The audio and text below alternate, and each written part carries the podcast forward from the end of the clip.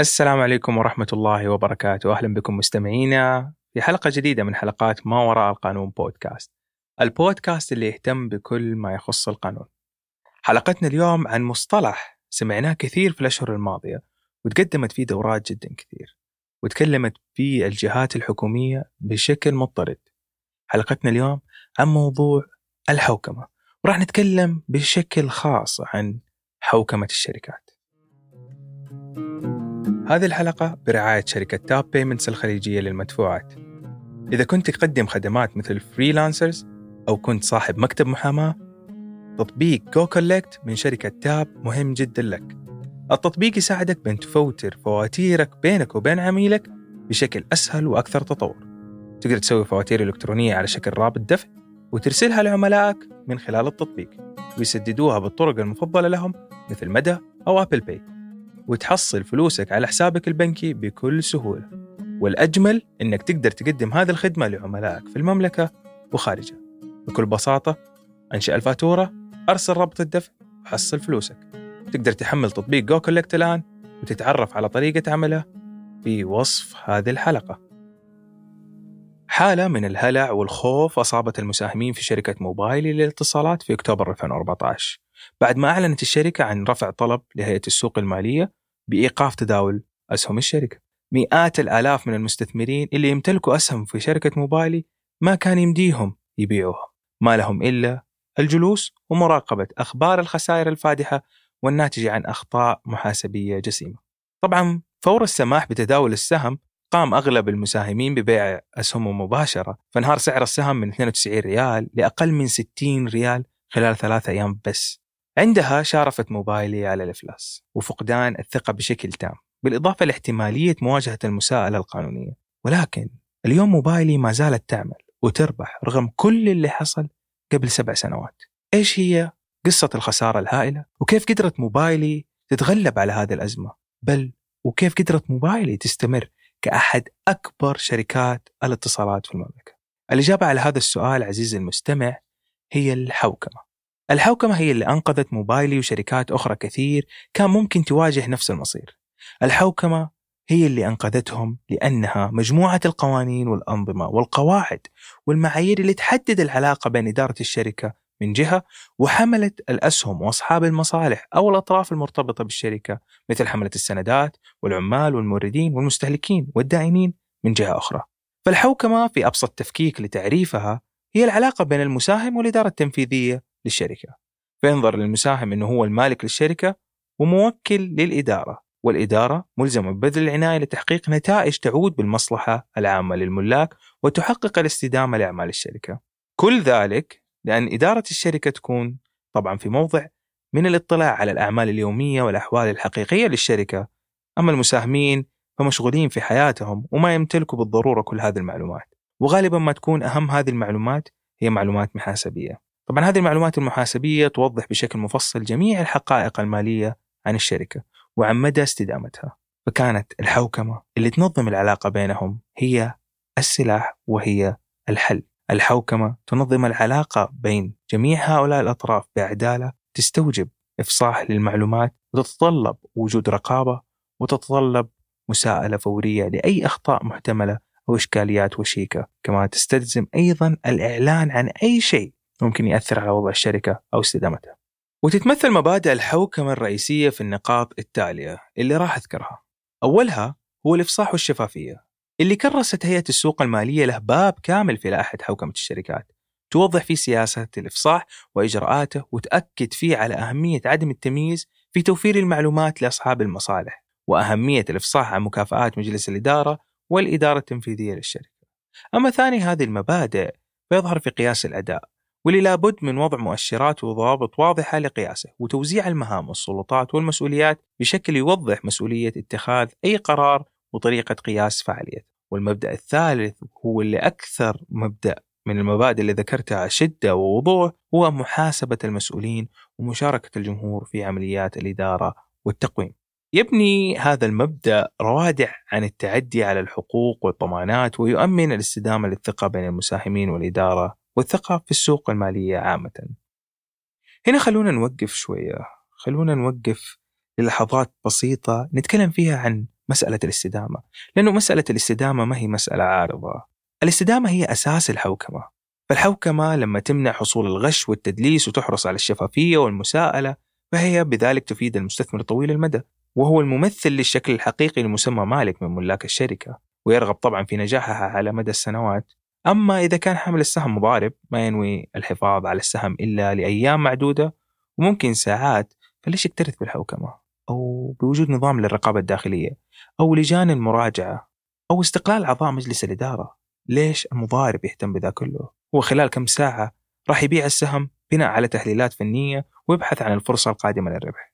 الإجابة تتجلى في أنه أهمية الحوكمة هو أهميتها كفكر ومبدأ مو فقط. لحماية المساهمين والملاك بل لحماية المجتمع والاقتصاد ككل. فالشركات وتحديدا الضخمة منها تحقق أهداف تنموية واستراتيجية مهمة جدا للدول وقد تهدد الأمن الاقتصادي في حال فشلها. طبعا في عام 2008 كلنا عارفين الكساد المالي اللي حصل وكيف كان النظام المالي العالمي قاب قوسين أو أدنى من أنه يسقط بكل ما فيه بسبب إهمال ومخاطرة أكبر شركات التأمين والاستثمار والبنوك الأمريكية. مما ادعى الحكومة الأمريكية للتدخل وإنفاق مليارات الدولارات على هذه الشركات اللي كانت تهدد استقرار الاقتصاد العالمي. وهنا نشوف أنه إصلاحات الأسواق المالية في المملكة مرتبطة ارتباط وثيق بارتفاع مستوى الامتثال للحوكمة. وما هي قوانين مدونة على ورق وخطة لإرضاء متطلبات بيروقراطية بحتة ما لها أي وجود. على أرض الواقع. الاستثمار الرأسمالي طويل المدى المسؤول عن الشركات المبتكرة والخدمات الجديدة والقطاعات النامية يتطلب بطبيعة الحال تخطيط واستدامة لسنوات عديدة حتى يثمر وينتج وبالتالي يتطلب إلى حوكمة. ولعل أحد أهم أسباب استمرارية شركة اتحاد الاتصالات والمعروفة بموبايلي وبقائها كأحد أهم وأكبر الشركات السعودية هو تطبيقها لمفهوم الحوكمة. تأتيكم هذه الحلقة مما وراء القانون بودكاست بالتعاون مع آب فور ليجل تجدون كافة التفاصيل بصندوق الوصف. موبايلي واجهت خسائر فادحة ناتجة عن تلاعب بالقوائم المالية وأخطاء محاسبية حيث أعلنت الشركة عن توقيع اتفاقية بين إحدى الشركات التابعة لها وشركة عذيب في اتفاقية حق استخدام ل ألف نقطة وصول على شبكة الألياف الضوئية التابعة لها. لمدة 15 سنة. تسمى هذه الاتفاقية باللغة الإنجليزية Indivisible Right of Use Agreement. والترجمة الحرفية لكلمة Indivisible المذكورة تعني غير قابل للإلغاء. وبالتالي ووفقا للدكتور محمد آل عباس دكتور المحاسبة المعروف ممكن حساب المعايير المحاسبية لهذه الاتفاقية كعملية بيع. وبالتالي يمكن تثبيت إيراداتها. وهذا اللي قامت فيه موبايلي. ثبتت إيرادات هذه الاتفاقية في قوائمها المالية. ولكن بعد فترة من إتمام الصفقة خرجت شركة عذيب وذكرت أنها واجهت صعوبات فنية ولوجستية في الاتفاقية بينها وبين الشركة التابعة للموبايل وبناء على ذلك قررت إلغاء الاتفاقية. وهنا المشكلة الكبيرة. فموبايلي كانت بالفعل ثبتت في قوائمها المالية اتفاقية حق الاستخدام بالرغم من أنه علمها بأنه هذه الاتفاقية تحتوي على بند يكفل الحق لشركة عديب بالتراجع. وهذا يعني أنه ما كان يمكن لها أن تثبت هذا الإيراد وفقا للمعايير المحاسبية. ونتج عن هذا الإلغاء في الاتفاقية انخفاض صافي الربح للربع الأول من عام المالي 2014 بمبلغ 338.7 مليون ريال حسب ما أعلنت شركة موبايلي. ما كانت الصفقة غير التامة مع شركة عديب للاتصالات هي المشكلة المحاسبية الوحيدة قدام موبايلي. فموبايلي أيضا قامت بإطلاق عروض ترويجية من بينها برنامج الولاء وهو برنامج كان فكرته منتشرة في ذلك الزمان وموجود في جميع القطاعات أبرزها قطاع الطيران. تكتسب الشركة ولاء عملائها عن طريق آه، تزويدهم بأميال مقابل كل تذكرة يشتروها. وتتوفر هذه الخدمة أيضا عند أبرز منافس لشركة موبايلي وهي شركة اتصالات السعودية اس تي سي ببرنامجهم الشهير قطاف. وعشان كذا عزمت موبايلي على إطلاق هذه الخدمة الترويجية فكانت الشركات تتفق مع موبايلي بأنها تسمح للعملاء باستبدال النقاط في متاجرهم مقابل أن تستخدم موبايلي قدرتها في الوصول لهواتف ملايين السكان المملكة للإعلان. وبالتالي تكون الشركات تدفع حقوق هذه الإعلانات من خلال النقاط المستبدلة وتكون المتاجر مدينة بقيمة الإعلانات لموبايلي وتسدد دينها باستبدال نقاط عملاء موبايلي.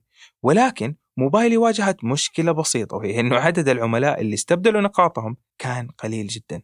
أي أنه موبايلي بثت الإعلانات وما حصلت على المقابل من المتاجر. والإشكال هنا أنه موبايلي سجلت إيرادات هذه الحملة بقيمة النقاط كاملة في حين أنه الحقيقة أنه الإيراد الفعلي ما كان إلا جزء بسيط من هذه النقاط. والإشكال هنا ممكن يكون مؤقت بمعنى أنه ممكن العملاء بعد فترة آه، غير الفترة المالية اللي آه، تم قياس آه، هذه النقاط يقوموا باستبدال النقاط. وهذا يعني خلل في القوائم المالية. ولكن وفقا للعربية في عام 2014 لاحظت إدارة المراجعة الداخلية بشركة موبايل هذا الخلل المحاسبي وقدمت لمجلس الإدارة الذي تقدم بدوره بطلب تعليق التداول بأسهم الشركة. وجرى التعديل على القوائم المالية يعني باختصار موبايل لحقت نفسها والتغيير اللي حدث في القوائم المالية من حسابات الشركة وصل إنه يكون من ربح بقيمة 219 مليون ريال إلى خسائر بقيمة 914 مليون ريال. أي تفاوت في الحسابات يفوق مليار ريال سعودي. مليار ريال مبلغ مو هين ابدا. عشان كذا هيئة السوق المالية ما اكتفت فقط بمجرد تعليق التداول وتعديل القوائم المالية بل فتحت تحقيق للنظر في كيفية حدوث هذا الخطأ من الأساس وانتهت بتغريم عدد من المسؤولين ومنعهم من العمل في بعض المناصب المالية لفترات معينة. وفتحت المجال لطلب الانضمام من أي مساهم متضرر في دعوة جماعية ضد الشركة. عزيزي المستمع يعني بالرغم من الخسارة الكبيرة والقصة الطويلة اللي ذكرتها والعقوبات اللي تعرضت لها موبايلي إلا أنه موبايلي لا تزال قائمة تعتبر شركة ناجحة ومستقرة وبتوزع أرباح عكس غيرها من الشركات اللي لاقت حتفها وكثير من الشركات لو كانت في موقف موبايلي ما كانت راح تستمر. السبب في كل ذلك الحوكمة. الحوكمة المتقنة في شركة موبايلي شكلت نظام جيد وقوي ومستدام رصد الخلل وبلغ عنه وأنقذ موبايلي من مصير كثير من الشركات اللي ارتكبت أخطاء مشابهة.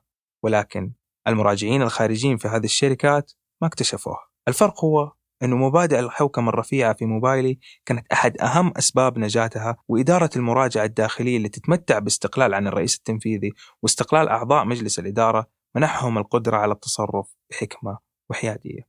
بالجانب الآخر من كوكبنا الجميل بالتحديد الولايات المتحدة الأمريكية شركة أنرون العملاقة ما هي موجودة اليوم ومدراءها قضوا سنوات عديدة في السجن وغرموا بملايين الدولارات ولكن موبايلي استطاعت أن تستمر في العمل وحصلت على تسهيلات من البنوك بسبب الإيمان بقدرتها على تصحيح أوضاعها لأن المشكلة ما تفاقمت وكان حجمها من الممكن أنه يتم السيطرة عليه يذكر أنه قبل أكثر من عشر سنوات ما كان مصطلح الحوكمة له ذكر في المملكة وما كانت متطلباتها النظامية شديدة وكثيرة إلا أنه موبايلوي كانت تطبق معايير الحوكمة وتخطط بناء عليها ويحضر ممثليها ملتقيات وندوات الحوكمة المحلية للنقاش والتطوير في وقت ما كانت في الشركات تعير أي اهتمام وانتباه للحوكمة. بل وكانت في شركات تتهرب من الحوكمة طيب إيش سبب أنه الحوكمة ما انتشرت في العالم العربي مثل بقية العالم؟ ممكن السبب يكون غريب شوي لكن السبب هو ترجمة المصطلح الإنجليزي corporate governance بحوكمة الشركات اللي أدى إلى اعتقاد سائد في الأسواق العربية بوجود علاقة وارتباط بين حوكمة الشركات وبين تدخل الحكومة في تعامل الشركات واللي يناقض مبادئ السوق الحر والإرادة الحرة. على الرغم من أن المقصد بكوربريت جوفرنس هو تنظيم وتقييم سلوكيات التجارة الدولية السيئة مما يدعم ويحافظ على مبدأ التجارة الحرة. أعتقد عزيزي المستمع أن القصة وصلت اللي حاب أقوله وحاب أقول أنه الحوكمة هي أحد أهم معايير النجاح للشركات الكبرى ومو فقط الشركات بل للحكومات والأسواق بمختلف قطاعاتها. وصلنا هنا إلى نهاية حلقتنا. ومن خلال اللي ناقشناه اليوم من تعاريف وأمثلة توضح دور الحوكمة في السوق السعودي وأهمية استدامتها ورحلتها باتجاه الانفتاح والتوسع لأنه كم كبير من مستقبل الأجيال القادمة قائم على بناء اقتصاد قوي صحيح يتحمل الصدمات ويمتصها وهذا كله في ظل رؤية 2030 للمملكة. نحتاج لشركات تستشعر مسؤوليتها الاجتماعية مو بس عن طريق رعاية الأنشطة بس بل عن طريق حفاظها على مصداقيتها وتطبيق معايير الحوكمة. تطبيق معايير الحوكمة هو اللي راح ينجح الحكومات والأسواق والشركات ويجب أنه مفهوم الحوكمة يتعدى النصوص والأنظمة اللي تحدد التصرفات في حال حدوث موقف معين. يجب أن يفهم مصطلح الحوكمة على أنه مجموعة من الأهداف اللي لابد أن تتحقق في كل قرار واختيار وذلك في سبيل الحفاظ على الحقوق والفائدة العامة لجميع الأطراف. كنت معكم أنا عبد الرحمن في حلقة جديدة من حلقات ما وراء القانون بودكاست. أتمنى أنها نالت إعجابكم وأتمنى أني قدرت ألخص مصطلح الحوكمة بشكل بسيط وبقصة رائعة وخفيفة عليكم. لا تنسوا ال share وال like وال subscribe على قنواتنا المتعددة والتقيكم إن شاء الله في حلقة جديدة مع ضيف مميز وموضوع شيق انتظرونا بإذن الله.